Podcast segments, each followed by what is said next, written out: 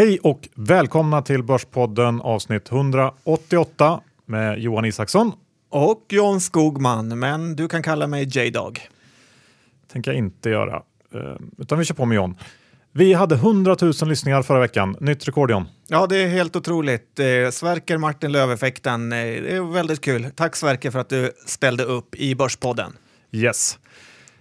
Vi har Lendify tillbaka som sponsorer. Det är vi ju väldigt glada över. De är tillbaka efter ett monster 2016. De växte över 500 procent, fick tillstånd som betalningsinstitut av FI, eh, teckna avtal med Lindorf som backup serv service provider och ja, de satte ju en av de största finansieringsrundorna också inom fintech. Så det var ju eh, ja, ett bra år för eh, Lendify. Ja, med riktiga toppnamn som backare. Ja, och ni känner ju till hur Lendify fungerar. Man investerar i en korg av eh, krediter, får månatlig eh, amortering och ränta utbetald och eh, ja, man blir sin egen bank helt enkelt.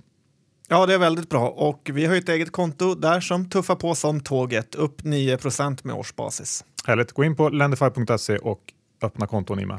Och så är det så att Peppins är tillbaka som sponsor och öppnar upp för ett nytt bolag som ska ta in pengar, eller hur Johan? Så är det. Det är Bangerhead som säljer skönhetsprodukter på nätet och växer väldigt snabbt.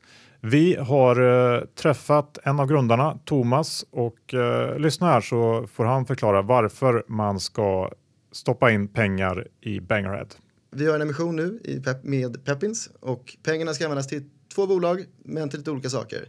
Eh, det är dels Bangerhead.se, NOFI, som är, vår, eh, som är moderbolaget, en av Sveriges och Nordens största återförsäljare inom skönhet. Eh, där kommer vi att fortsätta och utöka vår produktion av egna varumärken som har hög marginal och är roliga att sälja. Eh, vi kommer även gå in i en ny marknad. Eh, det är den delen. Den andra delen är vårt dotterbolag Ello Cosmetics som vi har med den internationella influencern Linda Hallberg som eh, är störst inom skönhet eh, inom sociala medier i Norden. Eh, där kommer vi att gå in i 180 butiker i höst, vilket innebär att vi kommer att eh, öka mängden produkter i sortimentet för att sedan under 2018 pusha vidare ut i världen. Eh, vi, vi siktar på ungefär 10 miljoner omsättning första verksamhetsåret där, vilket är kul. Så att om man är intresserad så borde man gå in på Peppins och teckna en liten del. Tack för det Thomas. Eh, gå in på peppins.com som sagt och kom ihåg att eh, Alvesta Glass var ju en av de första Peppins-aktierna och den går nu att handla på deras hemsida och den är upp 80 procent sedan den kom in på Peppins-börsen. Nu ska vi snart börja, men glöm för guds skull inte bort Diro heller. Nej, courtagekrigets krigare nummer ett. Eh, Diro.se. In och öppna konto. Jajamän. Nu kör vi.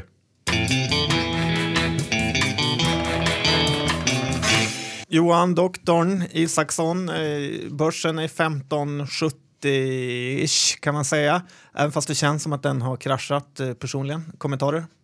Ja, det känns ju lite både och. Småbolagen har ju gått betydligt sämre än de stora. Eh, men man börjar ju fråga sig nu, börjar det här Trump-rallyt tappa fart? Eh, Trumps försök att eh, repeal and replace Obamacare misslyckades ju som alla vet här eh, i slutet på förra veckan och helgen. Och det här är väl den första stora motgången för Trump, vilket i sin tur kanske har lett till ett lite mer ifrågasättande synsätt på hela den här Trump-traden som börsen kört eh, sedan i höstas. Och eh, man kan väl på ganska goda grunder börja tvivla lite på om Trump kan driva igenom de här utlovade skattelättnaderna. Eh, I alla fall hur lätt det kommer att gå. Och eh, inte minst nu när man står utan de här stora besparingarna som eh, skrotandet av Obamacare skulle ha lett till. Och i förlängningen så innebär det här i så fall lägre tillväxt, lägre inflation och räntor och ja, en svagare dollar om man ska dra det lite snabbt. Och kanske kan vara lite positivt för emerging markets som ju har varit pressade av en stark dollar. Ja, så är det. Jag är stolt över mina Tea Party-kamrater som tyckte att det var alldeles för snäll eh, ombildning av Obamacare. Ja, vi får följa det här, men eh, vi får möjligt att det är en första spricka och eh, det finns en hel del nedsida om, om man verkligen ska börja tvivla på det här, vilket jag tycker att man borde. Eh, och på tal om det, en som har börjat tvivla, det är ju Rune Andersson.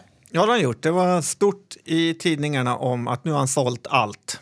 Ja, det var väl lite av en sanning med modifikation eftersom man fortfarande har ett antal miljarder på börsen i Academedia och lite annat. Men det var tradingportföljen jag menar.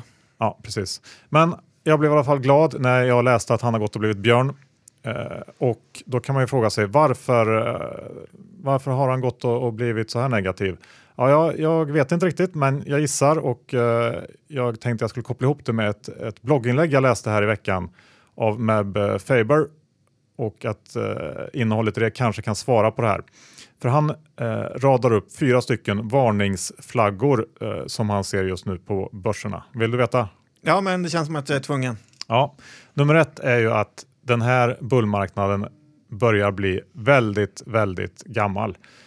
Eh, vi är mitt uppe i den näst längsta bullmarknaden för S&P 500 sedan 30-talet och den här, den här uppgångsfasen har faktiskt varit hela 78 procent längre än eh, snittuppgången, vilket är ganska mycket. Men i sig ingenting som eh, kommer att utlösa en krasch såklart. Nej, det var den första. Ja, nummer två är ju att börsen är sjukt dyr helt enkelt. Eh, man kan ta Buffetts eh, gamla favoritmått gällande hur dyr billig börsen är som man för sig kanske verkar ha övergett och inte bryr sig om så mycket längre. Men det är ju den här market cap genom eh, eh GDP eller BNP. Eh, och man brukar väl säga att när det är över 100 procent så ska man börja bli lite försiktig och eh, nu ligger vi kring 130 procent.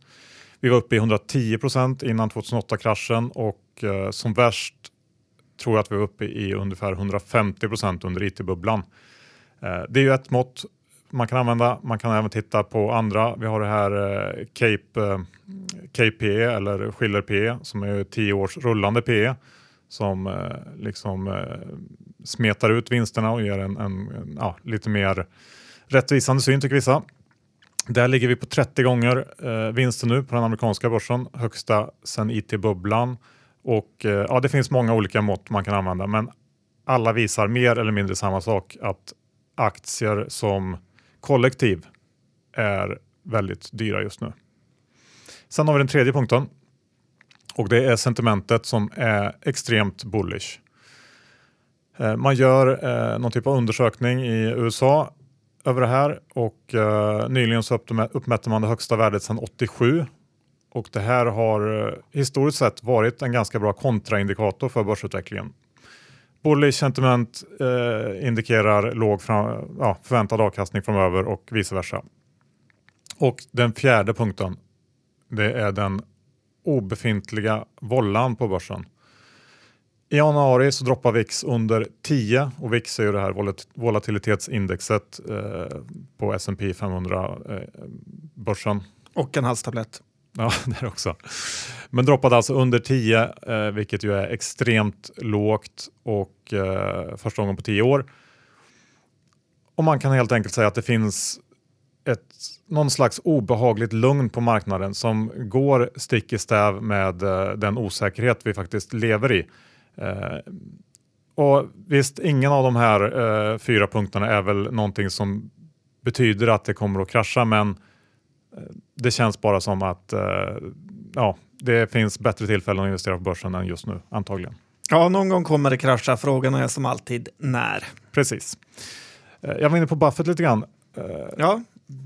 Den här dokumentären på HBO.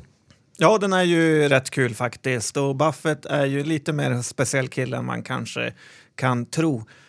Det som jag fastnade för var att han varje morgon när han köpte sin frukost på McDonalds så tog han den billigare menyn om börsen hade gått ner. Hade börsen gått upp en halv procent eller något, eh, då kunde han ta unna sig den lite dyrare eh, menyn. Och eh, lite konstigt är det, men precis så är jag också eh, faktiskt Johan. Okej, okay. hur då? Hur, vad gör du?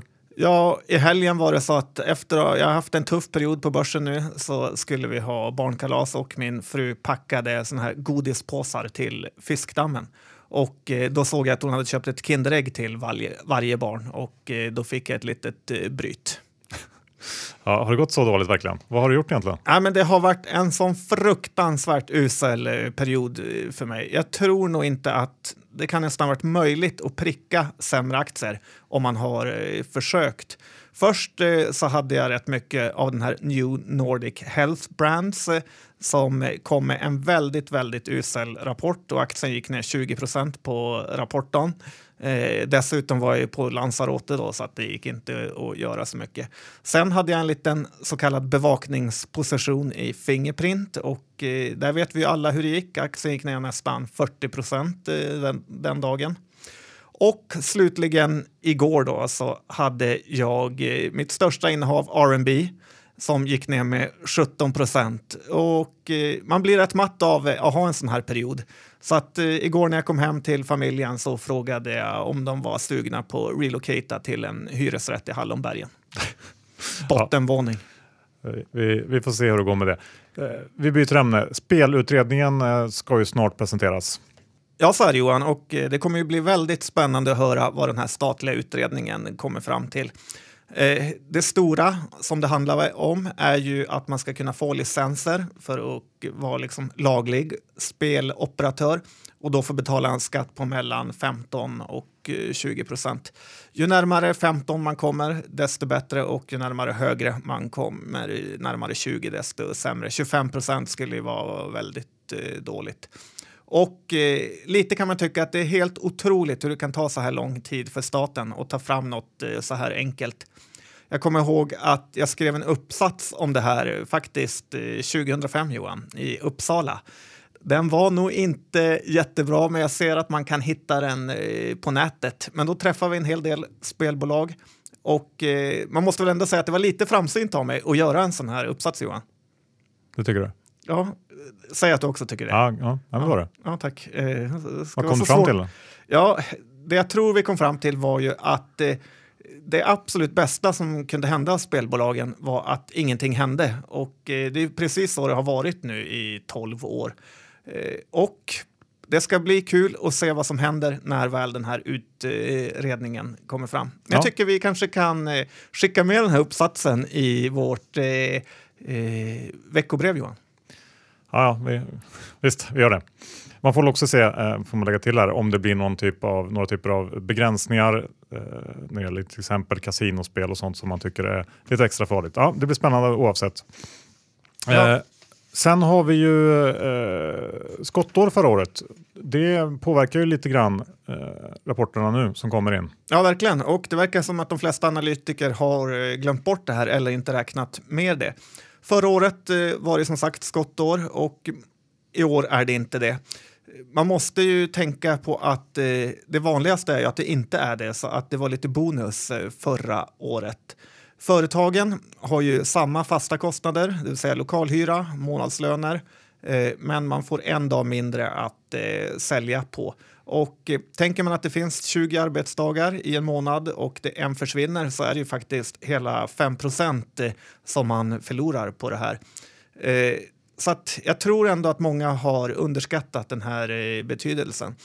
De som drabbas hårdast är ju konsultbolag, handelsbolag, retail, affärer alltså. Och eh, ja, de som gynnas det är väl kanske SAS och Eniro som förlorar pengar varje dag, Johan. Ja, bra sammanfattning. Avslutningsvis i första delen John, så vill du ta upp ett fenomen på aktiemarknaden som du tycker är lite konstigt. Ja, ibland är det ju så på börsen att det är nästan garanterat att en aktie kommer gå ner. Men frågan är bara hur mycket och hur fort. Och det här inträffar när en aktie är väldigt, väldigt mycket blankad samtidigt som kostnaden för att låna aktierna också är väldigt eh, höga. Vi kan ta som exempel eh, hamburgerkedjan i USA, Shake Shack, eh, som varit väldigt hypad. Den har varit blankad uppemot 40 procent av hela aktiestocken som folk då har bettat på nedgång. Eh, det har också varit så att eh, det har kostat mellan 50 och 100 procent i ränta att låna de här aktierna för att alla har vetat om att den här aktien kommer gå ner. Och eh, Lite så kan man kanske säga att det varit i Fingerprint också. Jag vet inte exakt vad det kostat att låna aktier där, men det har eh, varit dyrt. Men grejen är, för att tjäna pengar så måste man nästan ha köpt aktier med avsikt för att låna ut dem för att gå plus. Shake Shack eh, har ett P tal på 50 och eh, det är ju garanterat att aktien kommer gå ner. Frågan är bara, vad är mest lönsamt? Köpa aktien och låna ut den till 50 procent ränta eller att eh, blanka aktien? Så Johan, vem har sagt att börsen är lätt? Ingen.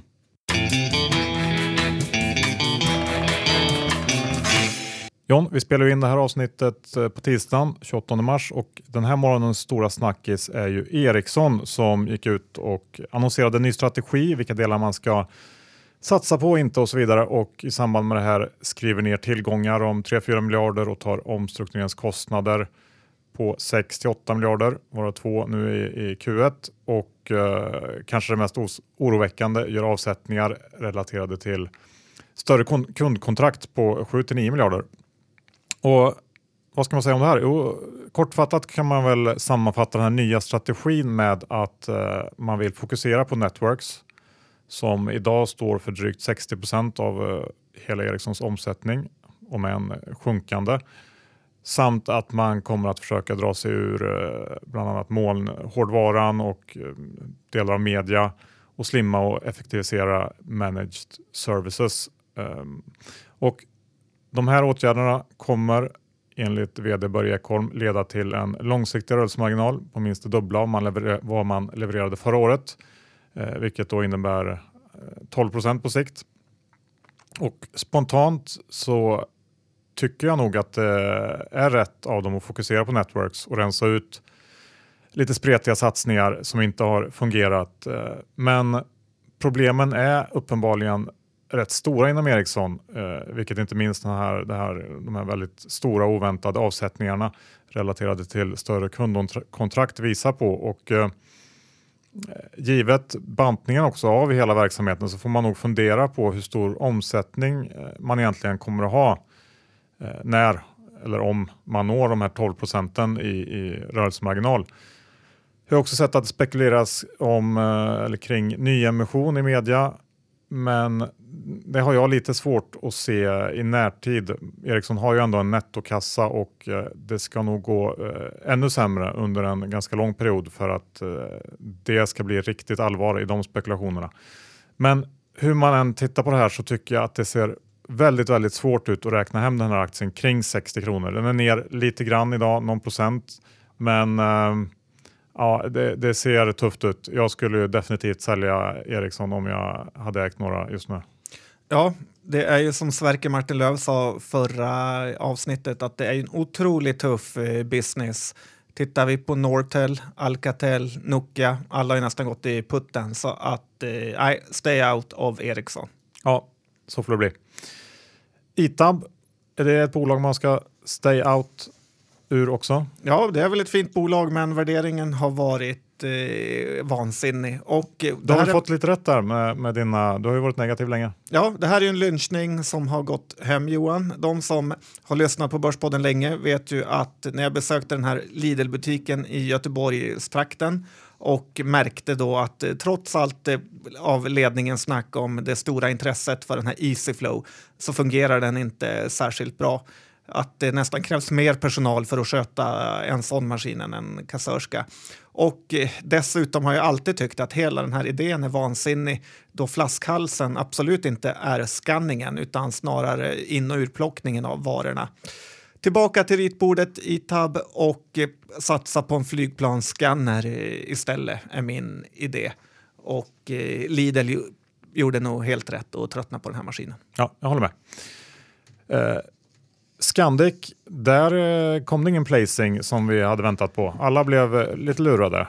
Ja, riskkapitalet eh, gjorde som vanligt det de brukar göra och lurar alla. Istället för att göra en sån här accelererad bookbuilding-process eh, där en massa löst folk, inklusive sådana som vi, får köpa och bli tagare så hittar de några fina köpare utanför börsen. Och eh, aktien som ofta brukar gå ner på sådana här placings steg istället med 5-6 procent. Eh, Jag eh, låg ju själv och väntade på den här placingen så det känns lite surt faktiskt. Men jag måste ändå ge tummarna upp för den finurliga lösningen som verkat gynna alla utom de kortsiktiga. Ja, men det var bra. Hur går det med din norska sprittrade? Ja, det går ju både upp och ner som eh, så vanligt på börsen. Och eh, Arcus gjorde ju liknande lösning här som eh, eh, Scandic gjorde och eh, den var också smart. Jag har ju som sagt ett eget påhittat bett med DI-journalisten Martin Blomgren om att jag skulle få sälja mina Arcus på 49,30 som jag köpte på 46,30. Eh, jag hade ställt upp en långtidsorder på 49 och 30 och, och fått sälja tusen stycken av dem. Eh, så att jag får skicka en femtedels eh, flaska Johan. Han får komma hit och få ett glas kanske. Eh, egentligen så borde jag ju inte tagit det här bettet så allvarligt och dumpat ut allt på 49, men så smart var jag inte och nu står aktien i 47,50. Så kan det vara. Sen håller ju eh, den här småbolagsfonden PSG på att stänga ner, vilket kan vara värt att känna till. Ja, det ska man eh, faktiskt verkligen eh, sätta ut ett öra mot rälsen. Eh, det känns ju lite tråkigt för PSG är ju en fond som verkligen har köpt kvalitet och försökt ge spararna en bra exponering mot de här små mikrobolagen. Men nu när de ska lägga ner så måste man titta på vilka innehav de är tvungna att sälja då för att kunna casha ut till sina andelsägare. De fem största innehaven är Ework, Swedol, BTS, New Wave och eh, Avega. Även VBG, Poolia och Pricer är ganska stora innehav i den här fonden. Och eh, för att ytterligare göra the math, do the math som de säger i staten Johan, så verkar det som att PSG alltid använder enskilda när de gör affärer. Så i till exempel BTS så har nu enskilda stått och sålt väldigt mycket aktier sista tiden och står på tillfället på 77 kronor. Jag tror man kan göra en bra affär om man köper av PSG nu när de likviderar. Men som sagt, det gäller att köpa det sista så att man inte blir sittande med Svarte Petter i någon nedgång. Ja, så är det. Hur är det med eh, Capio, vårdbolaget? Ja, där har vi ju den krispige Mikael Wolf som har fått eh, ta över det här. Han har ju fått göra en, han har blivit ordförande och eh, gör då comeback på börsen här efter sin sorti som Anders Sundström förnedrar honom. Eh, frågan är ju egentligen vad han kan om omvårdnad. Jag vet inte, vet du Johan? Nej, ingen aning. Nej, men det känns ju också som att Capio mest rullar på av sig själv. Aktien stiger på det i alla fall, för han har gjort underverk i Swedbank. Ja, men kul för honom. Ska vi ta en liten uh, klädbolagsgenomgång nu när det är sådana tider? De rapporterar ju nu. Vi har haft R&B, MQ och uh, på torsdag kommer H&M med sin rapport. Ja, och du har köpt en ny vårjacka. Mm, men inte från något av de bolagen. Men Nej, Dressman finns inte på ska, vi, ska vi börja med eh, H&M kanske? Störst går först. Ja, det tycker jag låter bra. Det är så säga. du kör när du är med mig. Mm. Eh, Även om vi väger lika mycket. Som sagt, på torsdag eh, Q1. Omsättningen är känd eh, och fokus kommer ju då ligga på marginalen och ja, eventuell info om nya koncept. Konsensus räknar med lite knappt 2,8 miljarder i ebit och här är ju den stora frågan om man lyckas överraska med en lägre kostnadsnivå som man har pratat om. Eller om den här svaga försäljningsutvecklingen som bolaget har haft under kvartalet eh, ändå tar ut sin rätt och att eh, reaförsäljningen blir eh, högre än väntat och marginalen också lägre då. Vi får se. Det är lite svårt att spå tycker jag. Väldigt spännande rapport. Förväntningarna på marsförsäljningen ska man ju också titta lite på för de brukar rapportera marssiffrorna i samband med rapporten och där räknar marknaden med 11% i tillväxt. Känns ju lite högt givet eh, hur det har sett ut sista tiden. Men man ska också komma ihåg att mars förra året var riktigt svagt. Så att, eh, ja. Men sammanfattningsvis så har ju eh, oron kring H&M accelererat här sista månaderna tycker jag det känns som. Aktien står kring 230 kronor ungefär och eh, man vill nog börja se att H&M eh, visar tecken på att vända den här svaga försäljningsutvecklingen ganska snart. Eh, och sen efter rapporten så är det väl inte heller någon hög högoddsare att pappa Persson går in och fortsätter köpa aktier igen som han har gjort eh, efter de senaste rapporterna nu ett tag. Nej, så är det säkert, men eh, jag hoppas inte att familjen Persson fullständigt raderar ut sig i det här. Jag blir mer och mer negativ till H&M ju mer jag tänker på det. Jag var handla lite på deras affärer här sista, för några veckor sedan och eh, efter en tvätt så är alla kläder en, eh, hälften så stora som de var innan. Nej, det är säljrek på H&M, både på kläderna och företaget.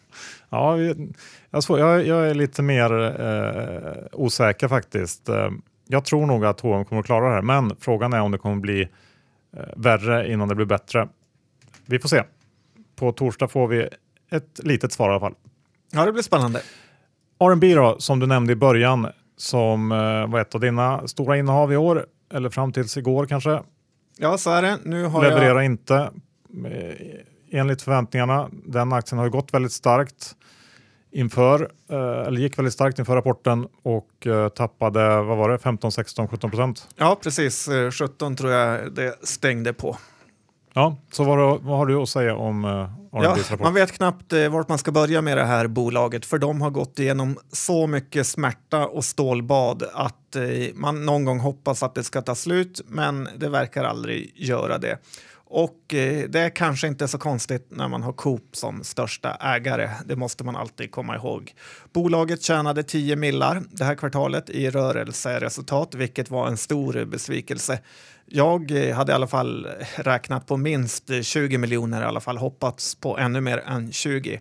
Och nu är man tillbaka i sina vanliga fotspår genom att göra sina aktieägare besvikna. Och eh, nu har jag bestämt mig att för en gång för alla ge upp och sälja aktien.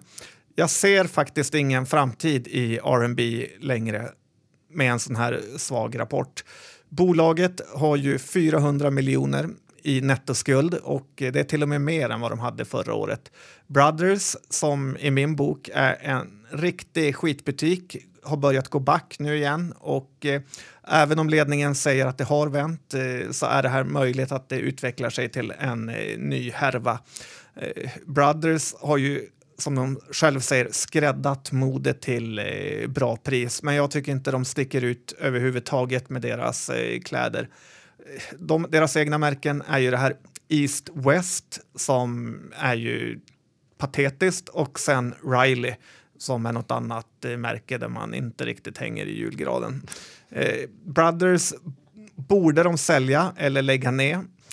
Sen är ju NK en annan stor del, den största delen i R&B och eh, den säger de och den har kommit igång lite mer och NK är ju alltid NK Johan som klyschan brukar säga. Men om det är något som är lätt att köpa på nätet så är det ju faktiskt märkesprylar och på lång sikt eh, ser jag ingen tillväxt här. Eh, guldkornet som jag ser det är ju Polarn och Pyret i de här tre benen. Och eh, det har ju börjat gå bra, de har omstrukturerat där, men det svänger också en hel del mellan eh, kvartalen och är såklart eh, värdeberoende. Sammantaget eh, så tycker jag att det är för stor nettoskuld och det är för många svaga delar i det här bygget. Och eh, i en bransch som dessutom är lite Eniro-varning över att den bara minskar och minskar och minskar så tycker jag inte heller att man kan värdera det här bolaget högt om det skulle gå bra. Eh, och sen på privat plan så har jag ingen lust att hamna i någon härva där jag börjar köpa på mig mer och mer aktier eh, för att det ser billigt ut och inväntar nästa rapport då som eh, har god möjlighet att bli dålig den också. Eh, det är för mycket motvind och eh, är det något jag lärt mig på börsen så är det bättre att Eh, ge upp än att försöka outsmarta the stock market. Vad säger du Johan? Ja, men jag håller nog med dig där faktiskt. Jag tycker att uh, det var en bra beskrivning. Vi har ju också MQ här som uh, kom med en rapport som var väl ungefär i linje med förväntningarna och uh, MQ liknar ju R&B på en del sätt. Det, det är ju, man kan ju jämföra de två ganska rakt av. Eh, och eh, MQ handlas väl till P10 ungefär. Det är möjligt att R&B skulle kunna vara lite billigare om de, eh, det här bara var ett litet hack i kurvan. Men eh, MQ har ju till att börja med en betydligt bättre eh, balansräkning och knappt någon skuldsättning överhuvudtaget. Och jag håller med det här att i bolag som eh, är lite svajiga så ska man vara ganska rädd för, för en hög skuldsättning. Det skulle kunna ganska snabbt gå ut för FRNB och då blir den här eh, skulden eh, ett problem igen. Eh, så att eh, om man bara jämför de här två, det är klart potentialen om det går riktigt bra är ju antagligen eh, större i RMB men eh, MQ känns mer stabilt. Eh, så att eh, det, jag skulle nog välja MQ av de här två. Men eh, jag håller också med dig om värderingen. Eh, hur högt ska man värdera den här typen av bolag? Antagligen inte så högt, tror jag, i linje med vad du säger.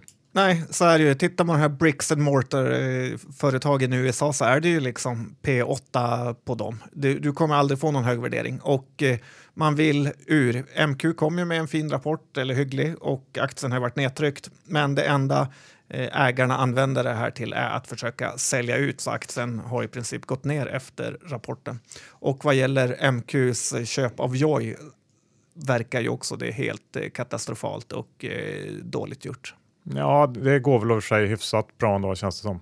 Men, men um, sen en annan grej kring de här bolagen som man ska tänka på kanske är ju att de är eh, rätt utsatta för, för konjunkturen generellt och eh, inte minst boprisutvecklingen tror jag. Så att eh, är man det minsta orolig för det så eh, tycker jag också att man ska vara lite försiktig med de här. Hur kopplar du dem till bopriset? Ja, den generella konsumtionen helt enkelt kommer ju explodera neråt om eh, bopriserna börjar gå ner. Mm, då kommer jag köpa mycket Riley och East West när jag bor i Hallonbergen, Johan. Ja, det är möjligt i och för sig. Eh, men när man pratar klädbolag så halkar man ju lätt in på det här med butiksstöd. Och eh, det är väl kanske ingen som egentligen säger emot eller inte tror på det här strukturella skiftet som man ser i hela branschen där eh, online äter marknadsandelar för varje år som går. Och den här utvecklingen är tydlig i USA där det finns en hel del rater som eh, är inriktade på retailfastigheter. De har haft en rätt tung period sista halvåret. Många kraschat eh, runt 20 procent. Och eh, det här är ju bolag eller rater som man äger för att få en, en stabil ström av utdelningar i sin utdelningsportfölj. Eh, Simon Property Group är ett exempel, Taubman Centers eh, ett annat. Eh, bägge två gilla kring 4-5 procent idag eh, och har tappat 15-20 procent sista halvåret. Men eh, samma sak här. Mm, det känns som att man ska vara försiktig med den här typen av fastigheter också. Eh, för att eh, det här är nog ingenting som, som kommer att ta slut snabbt utan det är snarare så att vi är eh, ja, tidigt i den här utvecklingen tror jag.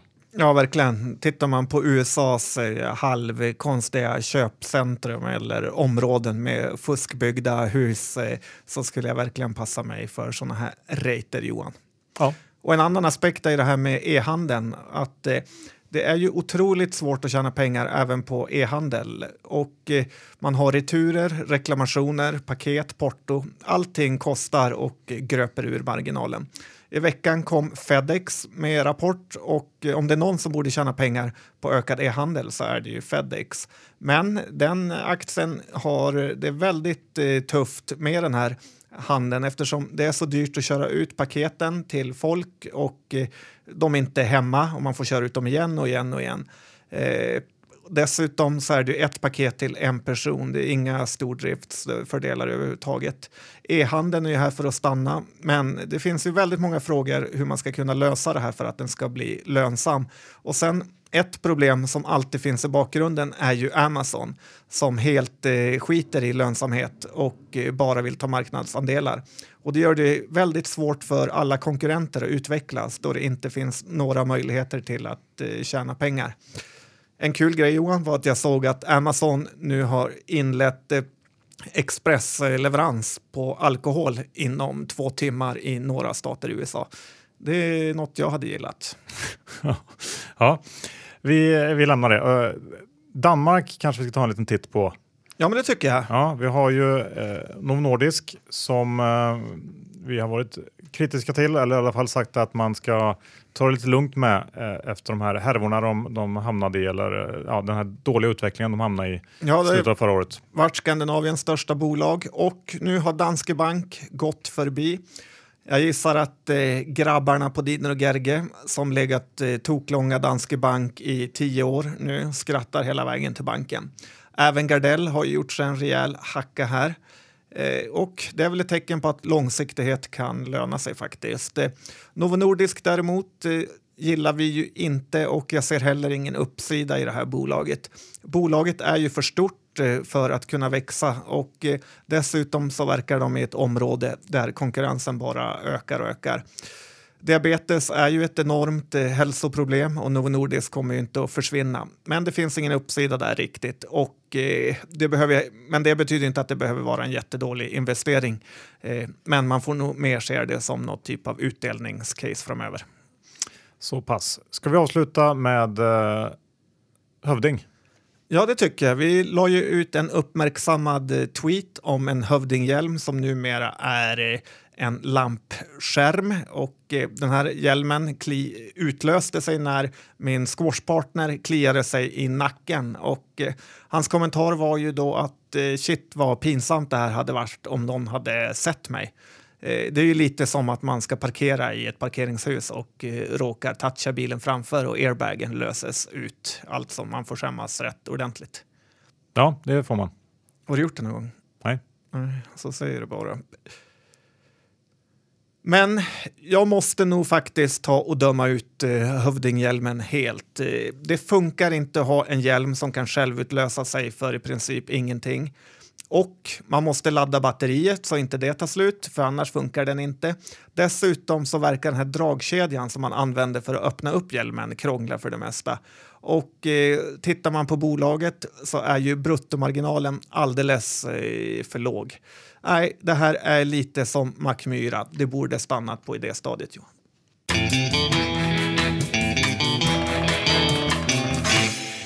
Härligt John. Nu sticker du upp till Umeå, men innan vi stänger av helt här så ska vi tacka Diro. Tack Diro. Tack. Öppna konto på diro.se. Och vi välkomnar Lendify tillbaks som sponsorer. Gå in på lendify.se, öppna konto, bli din egen bank och låna ut pengar och tjäna pengar. Ja, väldigt bra sammanfattat. Lendify.se. Ja, och för er som då är intresserade av Bangerhead, gå in på pepins.com. Där kan man läsa mer om eh, bolaget, planerna, vad de ska göra med pengarna, värdering och så vidare. Och eh, man kan ju också såklart då investera. Ja, det är svårt för mig att lyncha det. Hårvårdsprodukter Johan. Lite en nackdel där. Kanske kan testa dig. Ja, det är nog inte heller rätt person, men. Du har eh, tjockt på sidorna. Jag Precis. också i och för sig. Ja, Nej, men eh, gå in och kolla. Bangerhead verkar spännande. Eh, I övrigt ska vi ju säga någonting om vilka bolag vi äger eller inte äger eh, som vi har pratat om i det här avsnittet. Jag eh, tror nog att jag är ganska blank faktiskt. Har eh, ingenting. Jaså? Du då John? Ja, Johan, jag är inte heller så fulltankad, men jag har BTS och eh, jag har ju det norska spritbolaget Arcus. Har du stoppat ur dig ur eh, R&B? Ja, mina R&B äger någon annan nu. Hoppas att eh, ni inte förlorar lika mycket pengar som jag. Bra. Tack för att ni lyssnade. Vi hörs om en vecka igen. Hej då!